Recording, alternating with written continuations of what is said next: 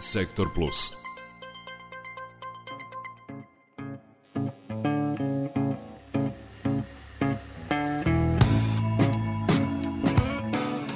Zemlje Zapadnog Balkana imaju niže stope pokrivenosti MMR vakcinom od proseka Evropske unije, a propuštena vakcinacija tokom pandemije povećala je broj ljudi koji su podložni virusima, Januarska je procena regionalne kancelarije za Evropu Svetske zdravstvene organizacije. To je tek jedan od razloga zbog kog mi imamo smanjen broj imunizovane dece. Još jedan značajan razlog su i brojne dezinformacije zbog kojih su prestrašeni roditelji odustali od imunizacije. O MMR vakcini i malim boginjama slušamo Ivanu Drapšin-Šurković. Bukvar. Za mame i tate. Bukvar. Za mame i tate. Emisija o roditeljstvu.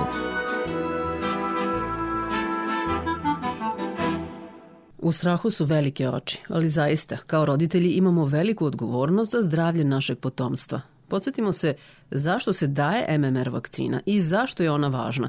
Slušamo pedijatra Slobodana Maričića iz Novosadskog doma zdravlja. Vakcina protiv mali boginja se primenjuje od 71. godine i počela se davati kao monovakcina. Deseta godina kasnije se uključila još jedna, još jedna komponenta u tu vakcinu, to je vakcina protiv zaušaka, a opet neki 7, 8 do 10 godina kasnije se dodala i treća komponenta protiv rubeole. I praktično, znači od tog tih nekih 80. godina, krajem 80. mi praktično imamo ovakvu vakcinu kakva je danas, e, kakvu danas dajemo pacijentima. Ona je zaista jako značajna. Ona je napravila ideja čitave priče, ona je napravila revoluciju u medicini, moram da priznam. Kao što uopšte imunizacija kao tekovina savremenog čovečanstva je napravila zaista jednu epohalnu stvar. Eradikovala je gomilu bolesti. Mi smo imali dobro predviđanja da napravimo eradikaciju i samih morbila, što nam je bila ideja, kao što je bila ideja, znači da potpuno iskorenimo te bolesti sa lica zemlje. Isto tako je bila ideja kad je poliomielitis, odnosno dečja paraliza bila ideja. Međutim, tu su se malo planovi izjelovili, dešavale su se tako raznorazne stvari, što bi i opravdane i neopravdane i jednostavno se polju poljuljalo to neko poverenje u opšte ljudi u samu vakcinu. Ja moram da priznam ovde, čitava priča kreće iz tih nekih 90. godina kada prosto čovek koji je lekar, to stoji, ali čovek koji se ne bavi apsolutno imunizacijom je objavio jedan rad, ja bih tu više rekao da je krivica bila na samom časopisu koji je dopustio da se takav rad objavi, da je recenzija bila apsolutno koja i nije bila adekvatna, jer zašto ideja jednom čoveku uopšte koji se ne bavi imunizacijom i koja je njegov uopšte benefit bio toga da on takav rad uopšte radi i da objavi bilo kakve rezultate. Naravno, kao i u svemu, kada vam se pojavi jedna takva vest, ostavlja prostora za bilo kakvu manipulaciju. Naravno, uvek smo mi nekako pogodno tle da verujemo tom nečem što ostaje kao diskutabilno, ali ja moram da priznam još jednu stvar. Ako dva čoveka razgovaraju o bilo čemu i ako u jednom trenutku imaju potpuno oprečno mišljenje o nečemu, svako treći ko bi se tu pojavio postavit će sebi dilemu i nedoumicu da li to nešto zaista i treba da uradi. Ja ovde ne bih počeo tako što bih okrivio sada roditelje što imaju nepoverenje u samu vakcinu, niti prosto rekao da je to jedina njihova krivica. Ja i dalje smatram da najveća krivica za sve ovo leži upravo u onom našem profesionalnom stručnom delu, što smo se praktično ponašali možda nedovoljno odgovorno u svemu tome i nismo posvetili dovoljno vremena da objasnimo ljudima koji su to benefiti same vakcine, šta ona zapravo štiti vaše dete, kakva su uopšte ideje bile po pitanju eradikacije i kakva je opasnost ako se dete razboli ili od čovek od same bolesti. Znamo da su male boginje veoma zarazne. Dakle, u jednom hodniku ako neko je bolestan, gotovo ceo hodnik ostaje bolestan. To je jeste problem. Deca, to je dečja bolest. Deca to, pa ne možemo reći baš lako preguraju, ali lakše, no odrasli, odrasli mogu da imaju veoma ozbiljne probleme. Pa ja bih ovde istakao e, da e, ne možemo ovde reći da, niko, da ima male probleme i velike probleme i da su deca u većem problemu ili manjem problemu, a odrasli u, u, u, ovaj, u velikom. Svi imaju jednake probleme. I ja kad pričam o tome, statistika je vrlo čudna nauka, što bih ja rekao. Znači, ako posmatrate, razvijene zemlje imaju jedan smrtni slučaj na hiljadu, e, nerazvijene zemlje imaju i pet. Mi se nalazimo negde otprilike 2, 2 i po ovde, znači između tih razvijenih i nerazvijenih zemalja, što se tiče našeg zdravstvenog sistema. Ali ne bih ja ovde to tako posmatrao, zato što i jedan smrtni slučaj za mene kao lekara apsolutno predstavlja zaista jedan veliki gubitak.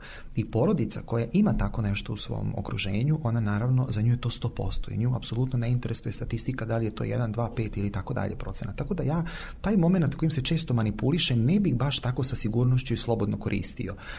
Ono što je važno, znači, tačno je da deca obolevaju češće. Zašto? Ovde bih istakao jednu bitnu stvar. Kad imate respiratorne infekcije tipa gripa, pa imate jednog zaraženog pacijenta, on ima, može da zarazi još jednog ili dva pacijenta. Pacijent koji ima morbile i nalazi se u okruženju može zaraziti 5 do 6 novih slučajeva. Pa sad pomnožite to onaj drugi 5 do 6 i vidite kako se to se bukvalno kao jedan požar širi. Još jedna stvar koja treba istaći, kada se pojavi jedna epidemija takvog tipa u bilo kom kraju, znači nije bitno to da li je samo u Srbiji, nego bilo kom našem okruženju bliskom, to će se vrlo brzo posle širiti. S tom razlikom nemojmo očekivati da to mora da bude sutra ili za dva dana, to može da bude i za godinu i za dve dana da se epidemija kao takva razbukta prosto ideja čitave priče imunizacije jeste u tome da mi zavis, zaštitimo što veći broj stanovnika, da kada se pojavljuju takvi sporadični slučajevi, do onog da prosto sprečimo da dođe do ta bilo kakvih komplikacija i do zaražavanja velikog broja ljudi, a s druge strane, naravno da nekada možda u budućnosti i dosegnemo našu ideju o tome da eradikujemo samo bolesti, da praktično više nemamo problem da se objašnjavamo, niti da uopšte moramo bilo koga da imunizujemo. Početni simptomi kod obolevanja od malih boginja liče na prehladu. Javlja se curenje nosa, kašljanje, povišena temperatura. Oči su crvene nakon 2 do 4 dana izbija osip, koji se širi od lica ka vratu, trupu i nogama. Od kontakta sa zaraženom osobom do pojave simptoma prođe 10 do 12 dana, a osoba je najzaraznija 2 dana pre pojave simptoma i 4 dana posle pojave ospi – Da li možemo da pričamo o epidemiji malih boginja kada imamo više od 40 potvrđenih slučajeva u zemlji? Pedijatar Maričić kaže. E, ja bih ovde još jednu stvar rekao, pošto vidim da je jedna, e, jedna ovako tema vrlo često je podložna manipulaciji, a to je e, da li će se pojaviti epidemija ili se neće pojaviti epidemija. Ono što bih istakao ovde, čak i nekim kolegama koje govore to da neće se dogoditi takva epidemija i tako dalje, 100% su sigurni u sve to, prvo mi ne možemo da budemo sigurni u ništa, to je jedna jasna stvar, a s drugo što bih rekao, epidemija gripa, kada se pojavi određeni broj slučajeva, on treba da se ispuni taj broj da bi se to proglasilo epidemijom. Kada govorimo o morbilama, nama su dovoljna i dva slučaja. I to se stalno zaboravlja. Znači, u tom epidemijskom smislu ovo predstavlja veoma zaraznu bolest, veoma ozbiljnu bolest, tako da jedan i dva slučajeva predstavljaju zaista ozbiljnu narušavanje epidemiološke stabilne situacije. Prema tome, to, to negde nekako trebamo da shvatimo, ok, grip nas ne zanima, znači sad je to kao je desit će se kao kod gripa. Ne, ovde se radi o veoma ozbiljnoj bolesti. Još jednu stvar što bih ovde istakao, vrlo često sam video podatak da govore, pa dobro, mi smo te bolesti preležali, šta nam je bilo i tako dalje. Ja moram da podvučem ovde jednu stvar stvar da čak i Varičela, koja je nekada predstavljala veoma, odnosno ovče boginje, koja je predstavljala znači jednu onako bezazlenu infekciju u dečijem uzrastu, zadnj, svedoci smo da u zadnjih godinu dana imamo, boga mi, poveći broj komplikacija i pacijenata koji su zaista završavali sa vrlo ozbiljnom terapijom. Prema tome, čak ni ta Varičela koja je nekada predstavljala možda trivialnije oboljenje nego što su same morbile, danas predstavlja opasnost. Kada kažemo opasnost, šta to tačno znači? Znači ono što je najinteresantnije, ako ovde moram da kažem, pošto svi to nekako govore preležaćemo i tako dalje, znači najčešće komplikacije koje se dešavaju kod mobila jesu pneumonije, odnosno upale pluće kod dece koje mogu da se nadovežu na neke bakterijske superinfekcije. Svedoci smo da smo danas sve više prisutna rezistencija na određene antibiotike krivnjom našom, krivnjom pacijenata i tako dalje, nije sad važno, ali sve u svemu, znači mi nećemo imati čime da lečimo te pacijente, čak i neke te trivialne bakterijske superinfekcije, a s druge strane, doći ćemo u situaciju da pacijenti završavaju sa upalom mozga i moždanica, što predstavlja zaista jedan ozbiljan problem. I nije sada ovde pitanje, neko će reći da taj pacijent preživi. Pitanje je sekvela, odnosno posledica kakav će taj pacijent nositi i kvalitet života kakav će biti tom pacijentu nakon prelažane bolesti. Znači, ono što se stalno zaboravlja ovde, nije važno preživjeti preživeo je, dobro, ok, idemo dalje.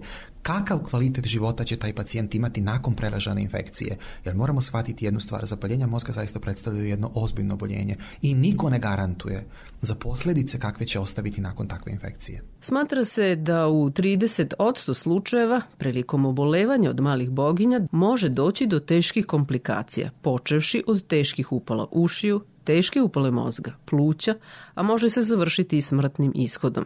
Istakao je za kraj pedijatar Slobodan Maričić.